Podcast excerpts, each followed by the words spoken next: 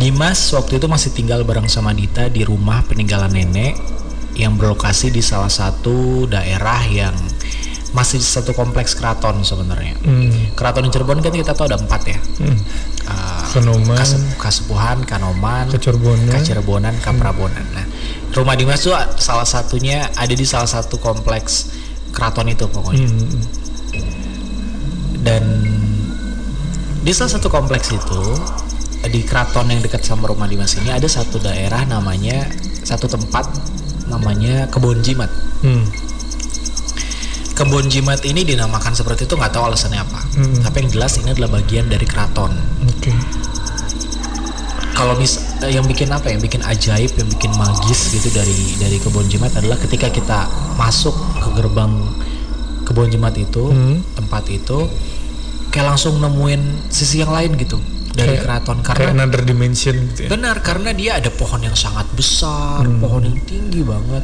Ada ada pepohonan eh, yang yang jauh lebih rendah tapi rimbun. Terus juga ada rumput-rumput liar. Pokoknya udah kayak hutan masuk ke situ. Jadi kayak semacam ekosistem yang dijaga dan nggak di apa-apain sama penduduknya gitu ya. dan mungkin juga karena sebenarnya di situ banyak apa ya tanaman-tanaman obat ya Hmm, mungkin atau ya uh, taman-taman yang keramatkan nggak tahu sih Hmm. mungkin itu alasannya kenapa dinamakan kebun jimat Hmm. tapi namanya anak-anak pasti suka lah sama hal-hal berbau seperti itu kan maksudnya yang Hmm. kayak challenging atau yang bikin penasaran ini apa sih gitu Ya. zaman kecil dulu memang sering dibicarakan sama anak-anak dan Hmm. dulu sering kayak "Eh, yuk kita datengin gitu kita masuk ke dalam kebun jimat tuh gimana Hmm.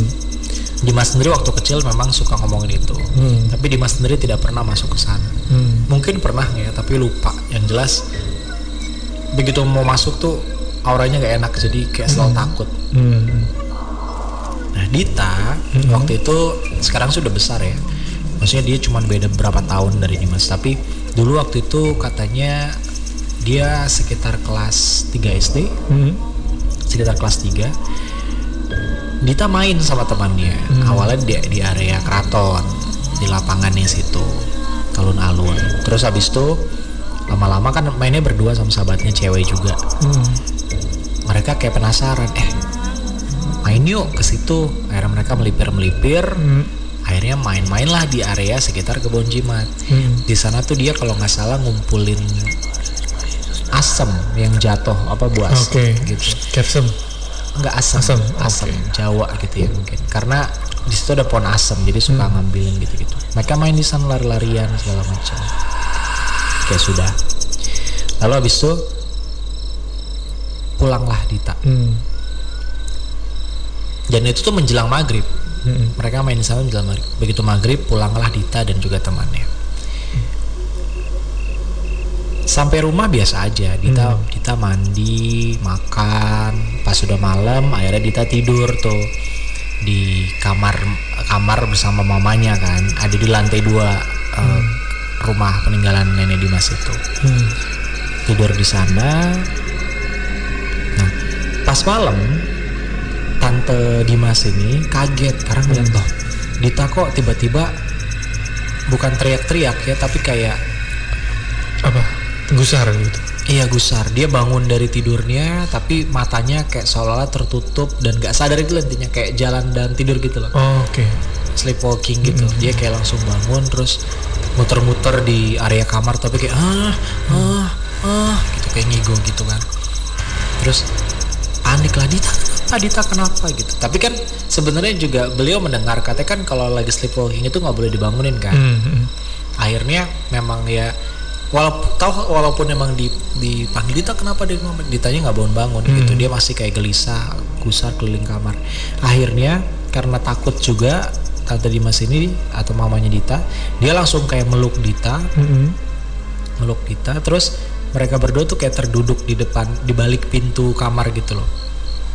Nah, terus Dita masih gusar padahal udah dipeluk tapi kayak ah, ah itu itu kan dan dia nunjuk Tapi posisinya masih merem. masih merem Oh gitu. jadi gimana ya Tapi masih merem, tapi bisa berkomunikasi dengan yang ini enggak. Ah, enggak Dengan jadi mamanya. pokoknya dia bangun lalu muter-muter kamar aja Hmm. Sambil itu itu itu gitu. enggak dia iya dia masih diem dia masih kayak eh gitu kan terus mam- mamanya kan akhirnya dia langsung diraih ditanya terus kayak dia peluk erat gitu nah mereka terus kayak terduduk gitu loh di di di balik pintu bukan di balik pintu pokoknya di depan pintu kamar tapi bagian dalam kan. Terus di situlah Dita nunjuk-nunjuk kata itu itu apa itu apa? Katanya. Itu itu katanya. Itu nah yang dia tunjuk itu adalah persis di depan mereka. Hmm. di depan mereka itu ada kaca besar kaca ukiran tua yang lumayan besar dan dia nunjuk-nunjuk ke situ. Itu itu itu katanya. Itu rambutnya itu rambutnya. Di situ mama Dita nggak ngeliat apa-apa kan? Mm-mm.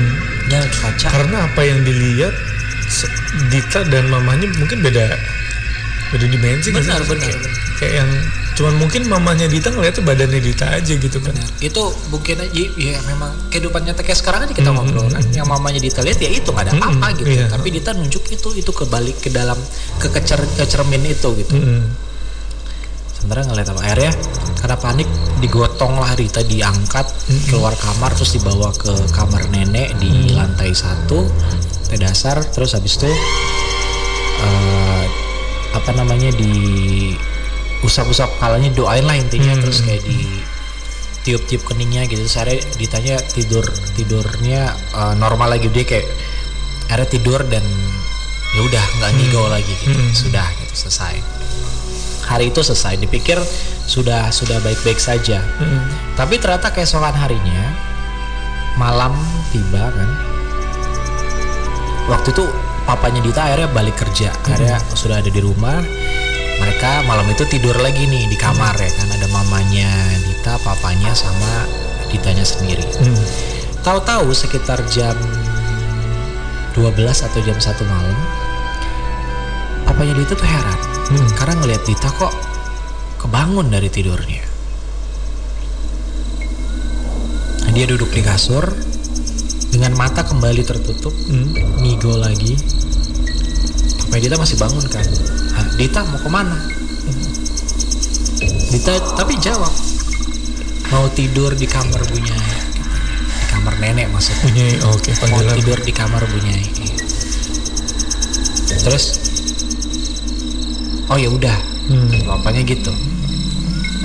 Dita bangun keluar dari kamar terus jalan turun tangga. Tapi papanya nggak percaya kan? Ya pasti kan namanya ini kenapa sih anak? gitu. Diikutin Aneh. Karena nggak normal lah. benar. Akhirnya eh, Dita turun tangga diikutin sama papanya dari belakang. Mm-mm. terus habis itu dia eh, lewat lorong yang menuju ke kamar nenek.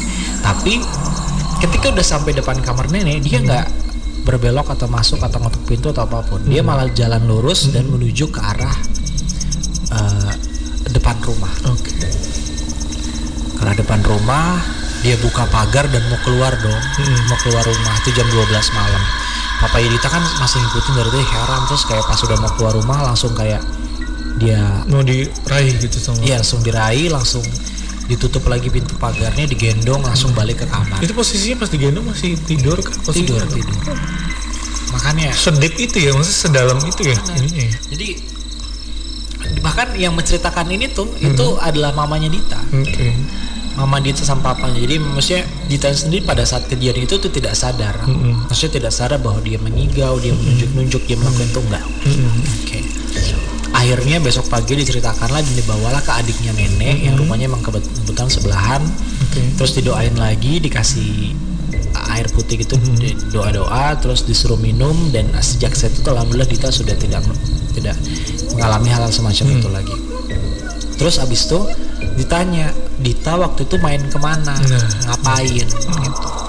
Akhirnya, kan emang Dita nggak bilang kalau dia main di kebun jimat itu.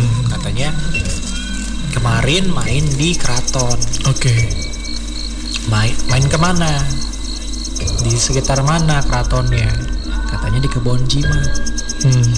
di depan kebun jimat situ. Sempat masuk masuk juga sempat katanya. Tapi ya nggak lama gitu. Tapi dia main di sekitar situ. Soalnya kakeknya almarhum kakek Dimas itu adiknya nenek itu bilang katanya memang ada yang ngikutin Dita katanya, dari kebun jimat itu dan sebenarnya ketika ditanya pun Dita menjawab Dita ingat nggak waktu pas malam itu mimpiin apa atau ngelihat apa? Hmm. ternyata Dita cerita malam itu Dita ngerasa bangun emang dari dari kasur, tapi nggak ngelihat ada seorang pun di kamarnya, jadi dia gelisah di situ. Tapi pos- posisinya itu kamarnya dia. Iya kamar dia dan kan Oke. mamanya kan ngeliatin dia manggil-manggil Dita, Dita yang, Yang lihat gitu Dita kan. itu berarti ya kamarnya dia, kamarnya tapi dia kosong aja tapi gitu. ya. kosong nggak ada siapa-siapa makanya dia gelisah kan muter-muter situ nah lalu katanya ada sosok yang muncul Hmm. sosok perempuan sosoknya terlihat di kan karena posisinya sama ya sosoknya terlihat di balik cermin. Oke. jadi di pantulan cermin tuh terlihat sosoknya. Oke. jadi Dita memang merasakan dia terduduk di uh, depan pintu itu belakang pintu itu. Dia terduduk dan lihat ada sosok perempuan tinggi tinggi sekali. Katanya. dan sosoknya juga melayang. Dan Dita sadar nggak teriak-teriak rambut-rambut itu enggak tapi memang Dita nunjuk-nunjuk sambil nangis-nangis cerit-cerit karena dia melihat wanita itu rambutnya Panjang banget. panjang dan gimbal Oke. dan rambutnya riap-riapan beterbangan gitu Oh, Oke.